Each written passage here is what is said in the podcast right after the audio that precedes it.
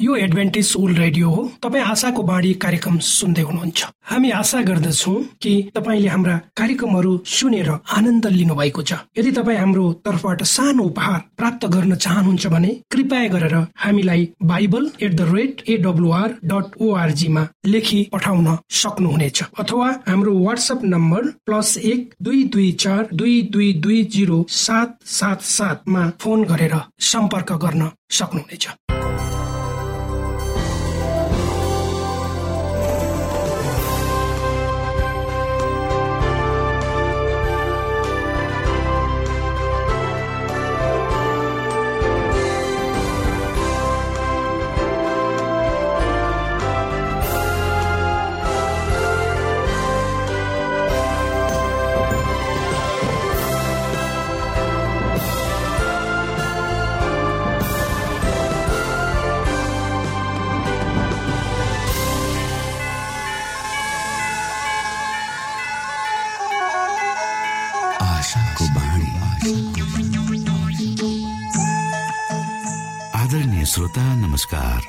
समय तपाईँ Adventist world रेडियोको प्रस्तुति भोइस अफ होप आशाको बाणी कार्यक्रम सुन्दै हुनुहुन्छ। कार्यक्रम प्रस्तुता म रवि यो समय तपाईँको साथमा छु। परमेश्वरले भन्नुभएको छ तिमीहरूका कानले सुन्नेछौ बाटो यही हो यसैमा हिँड। श्रोता आशाको बाणी कार्यक्रमले हामीले चुन्नु पर्ने बाटोको विषयमा हामीले हिँड्नु पर्ने बाटोको विषयमा जानकारी गराउने गर्दछ।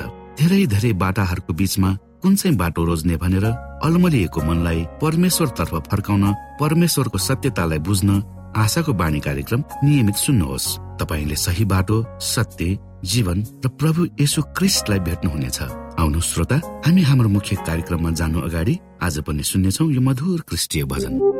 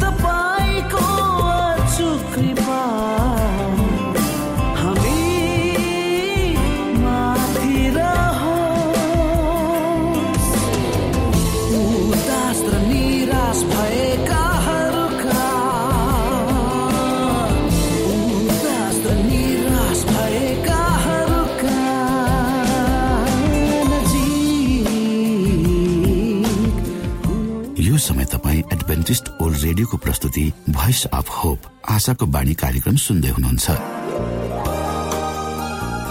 तपाईँ आशाको बाणी कार्यक्रम सुन्दै हुनुहुन्छ। हामी आशा गर्दछौ कि तपाईँले हाम्रा कार्यक्रमहरू सुनेर आनन्द लिनु भएको छ। यदि तपाईँ हाम्रो तर्फबाट सानो उपहार प्राप्त गर्न चाहनुहुन्छ भने कृपया गरेर हामीलाई Bible at the rate AWR dot ओआरजीमा लेखी पठाउन सक्नुहुनेछ। अथवा हाम्रो वाट्सएप नम्बर प्लस एक दुई दुई चार दुई दुई दुई जिरो सात सात सातमा फोन गरेर सम्पर्क गर्न सक्नुहुनेछ।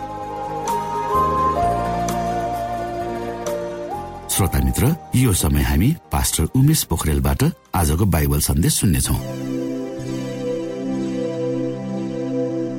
श्रोता यो समय तपाईँहरू एडभेन्टिस्ट वर्ल्ड रेडियोको प्रस्तुतिमा आशाको बाणी रेडियो कार्यक्रम सुन्दै हुनुहुन्छ। तपाईँ आशाको बाणी कार्यक्रम सुन्दै हुनुहुन्छ।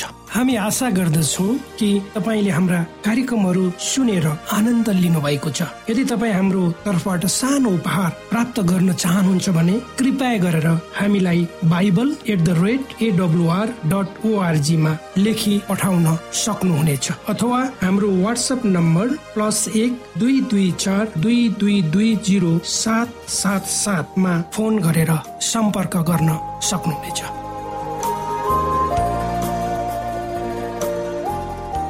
आउनुहोस् आज हामी पास्टर उमेश पोखरेलबाट परमेश्वरको आत्मिक वचन सुनौ।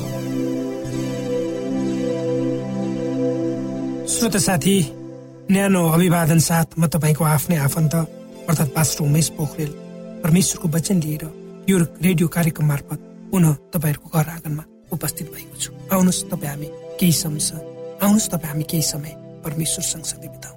मलाई आशा छ तपाईँले हाम्रा कार्यक्रमहरूलाई नियमित रूपमा सुन्दै हुनुहुन्छ। र परमेश्वरका प्रशस्त आशिषहरू प्राप्त गर्दै हुनुहुन्छ। श्रोत साथी आजको प्रस्तुतिलाई पस गर्नुभन्दा पहिले आउनुहोस् म परमेश्वरको अगुवाईको लागि बिन्ती राख्नेछु।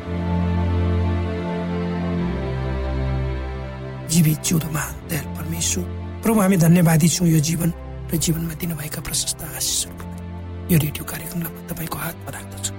यसलाई तपाईँको राज्य र महिमाको प्रचारको खाद्य तपाईँले यो देश र सारा संसारमा पुर्याउनुहोस् ताकि तपाईँको महिमा हो सबै बिन्ती प्रभु यीशुको नाम।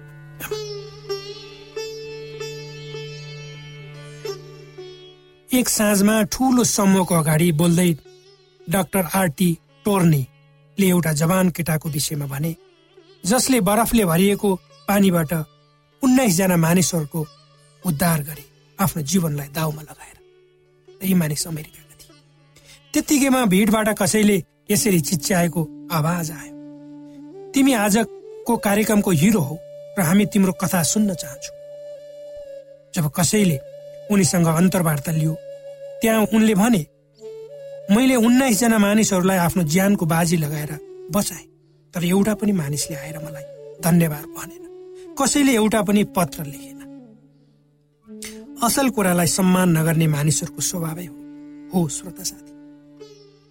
त्यही जवान मानिसको जस्तो अनुभव आज धेरै मानिसहरूमा जसले अरू अरूको हित वा भलाइ गर्ने काम गरे र आफ्नो ज्यान समेत बाजी लगाए।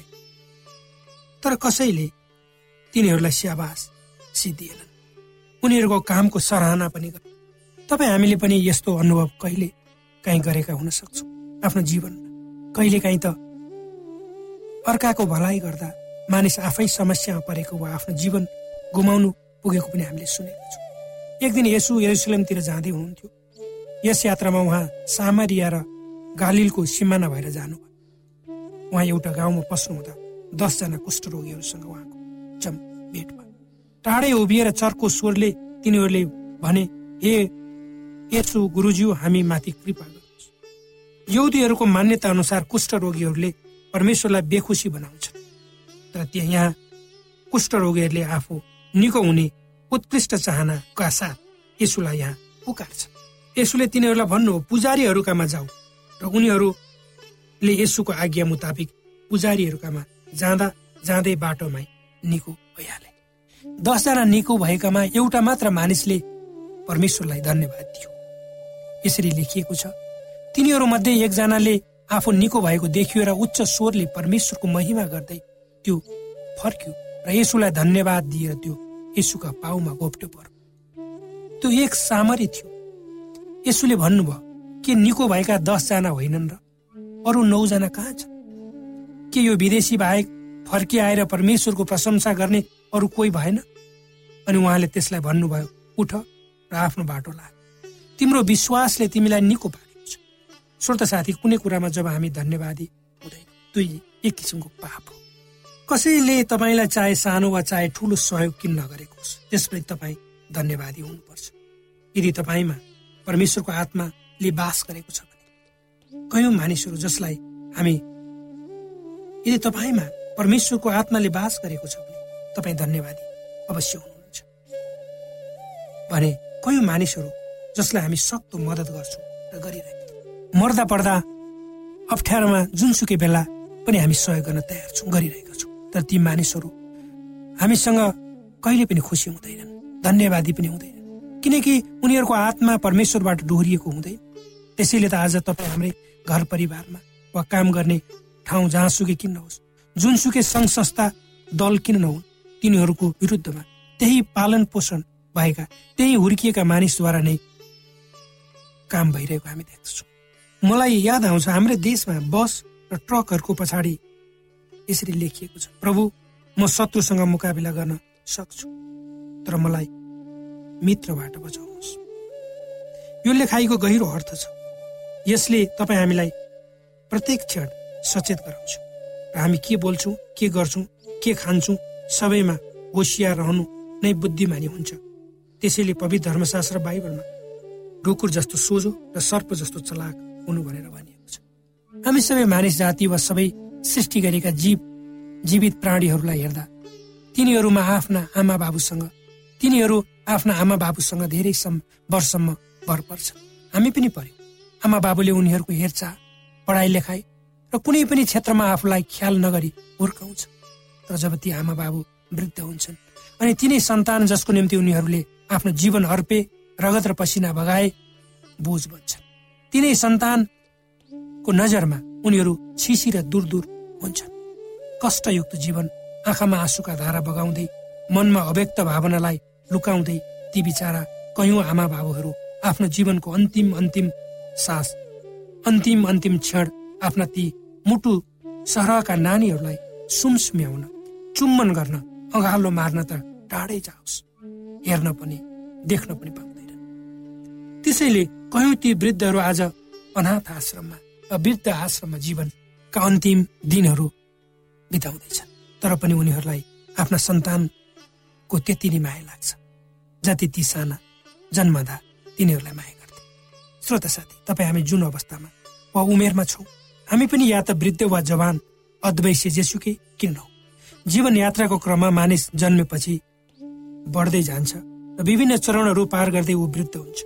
जब मानिस वृद्ध हुन्छ त्यो अवस्थामा ऊ शारीरिक रूपमा कमजोर उसको स्मरण शक्ति क्षीण कम सुन्ने र देख्ने हुन्छ जसलाई सहारा चाहिन्छ। जसरी साना दुधी बालकलाई चाहिन्छ ऊ केही गर्न सक्दैन। यदि कसैले उसलाई हेरचाह गरेन भने ऊ जिउन पनि सक्दैन।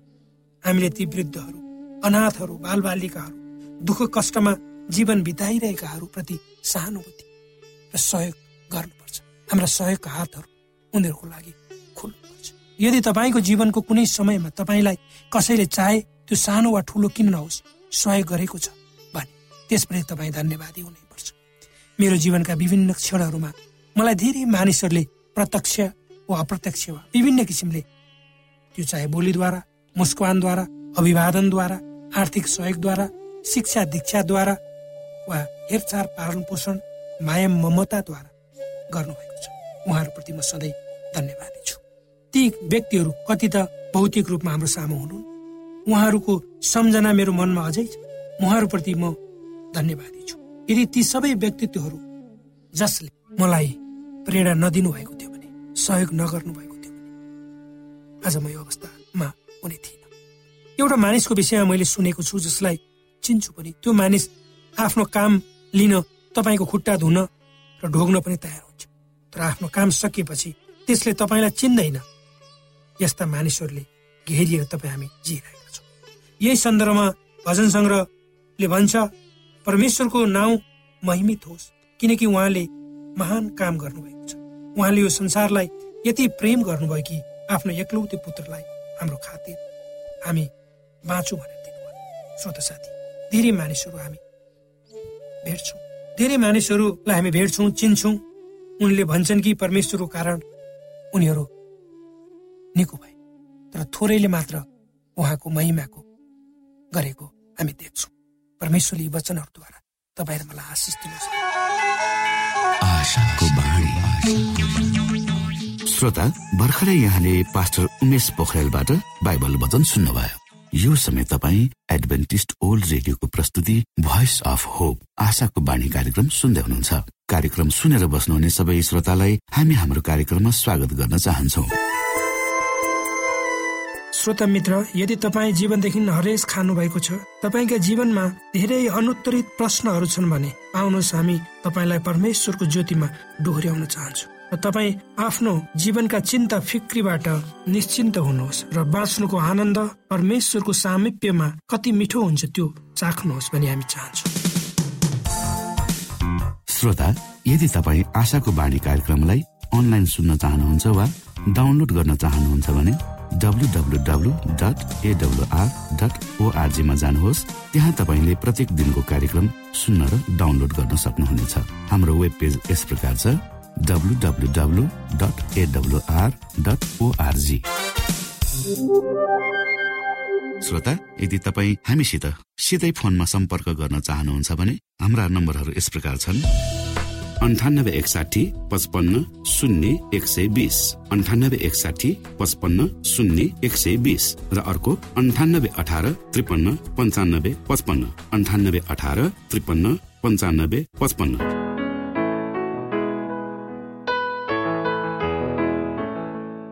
यो एडभेन्टिस ओल्ड रेडियो हो। तपाईँ आशाको बाणी कार्यक्रम सुन्दै हुनुहुन्छ। यस सम्बन्धी थप जानकारीको लागि कृपया गरेर हामीलाई सम्पर्क राख्न सक्नुहुनेछ। हाम्रो इमेलको ठेगाना Bible at the rate AWR dot ORG अर्थात् B I B L E at AWR dot ORG हो। तपाईँ हामीलाई हाम्रो वाट्सएप नम्बर प्लस एक दुई दुई चार दुई दुई दुई जिरो सात सात सातमा पनि कल गरेर सम्पर्क राख्न सक्नुहुनेछ। अर्थात् प्लस एक दुई दुई चार दुई दुई दुई जिरो सात सात सात। यो आशाको बाणी रेडियो कार्यक्रम हो। म धनलाल राई यहाँहरूलाई यस कार्यक्रममा न्यानो स्वागत गर्दछु। श्रोता आज म तपाईँको बिचमा बाइबल सन्देश लिएर आएको छु। आजको बाइबल सन्देशको शीर्षक रहेको छ परमेश्वरबाट लुक्नु। श्रोता निषेधित फल खाएपछि आदम र हवा परमेश्वरको सामु लुक्नु पर्छ भन्ने अनुभव किन गरेका थिए?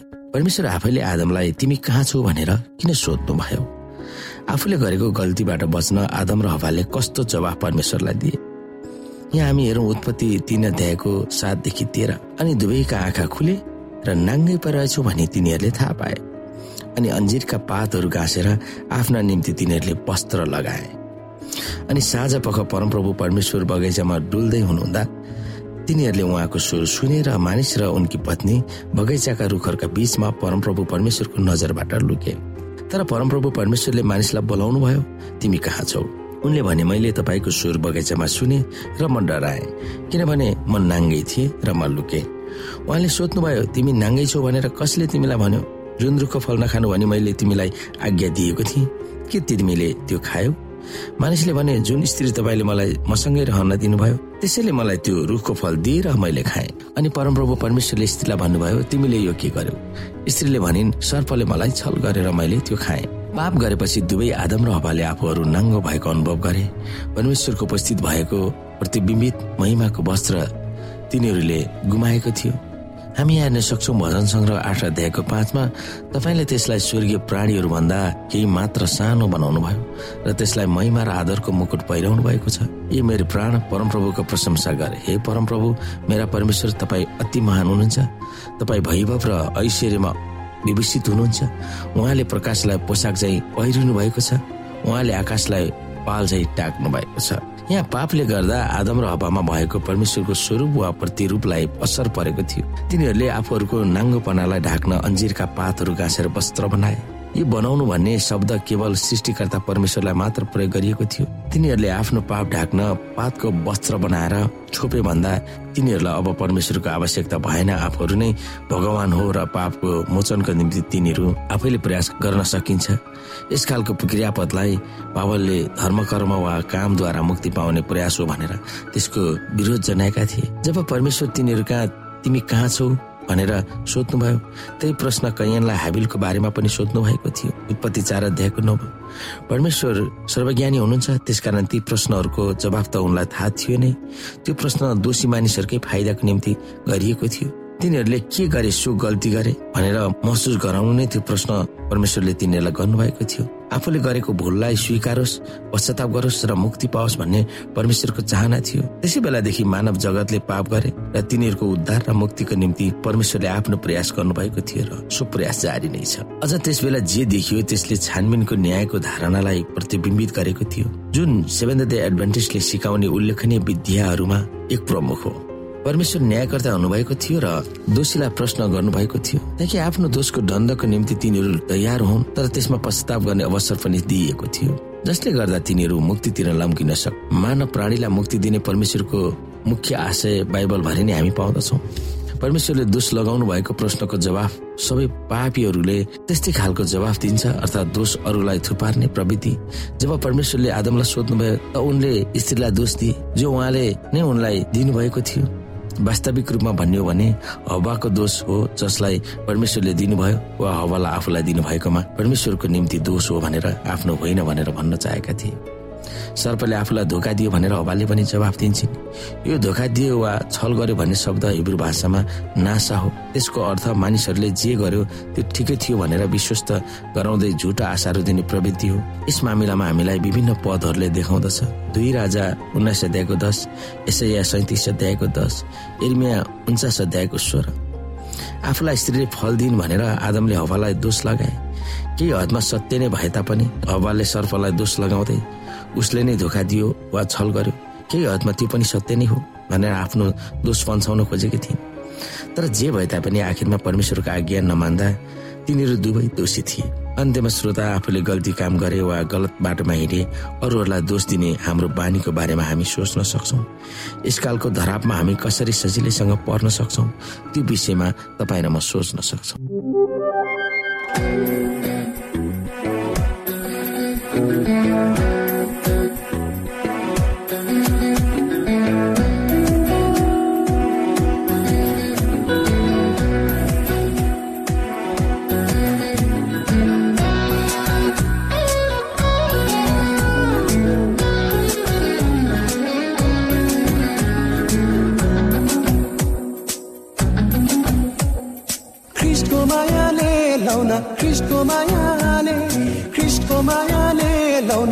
ख्रिस्टको मायाले जीवनमा खुसी दिन्छ। ख्रिस्टको मायाले ख्रिस्टको वचनले लौना। ख्रिस्टको वचनले अजम्बरी जीवन दिन्छ। ख्रिस्टको वचनले। हा,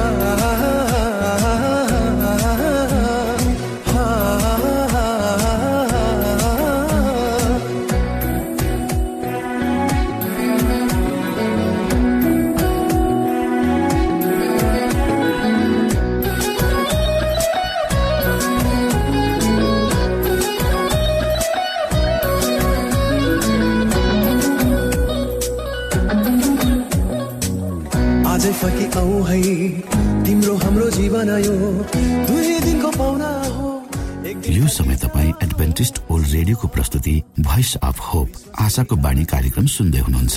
हाम्रो ठेगानाको बारेमा यहाँलाई जानकारी गरौँ। आशाको बाणी पोस्ट बक्स नम्बर दुई शून्य शून्य शून्य दुई काठमाडौँ नेपाल। यसै गरी श्रोता यदि तपाईँ हामीसित सिधै फोनमा सम्पर्क गर्न चाहनुहुन्छ भने हाम्रा नम्बरहरू यस प्रकार छन्। अन्ठानब्बे एकसाठी पचपन्न शून्य एक सय बिस। र अर्को अन्ठानब्बे अठार त्रिपन्न पन्चानब्बे पचपन्न। हवस् त श्रोता भोलि फेरि यही स्टेशन र यही समयमा भेट्ने बाजा गर्दै प्राविधिक साथी राजेश र पास्टर उमेश पोखरेल र कार्यक्रम प्रस्तुता म रवि यहाँसँग विदा माग्दछौ। परमेश्वरले तपाईँलाई धेरै धेरै आशिष दिनुभएको होस्। नमस्कार।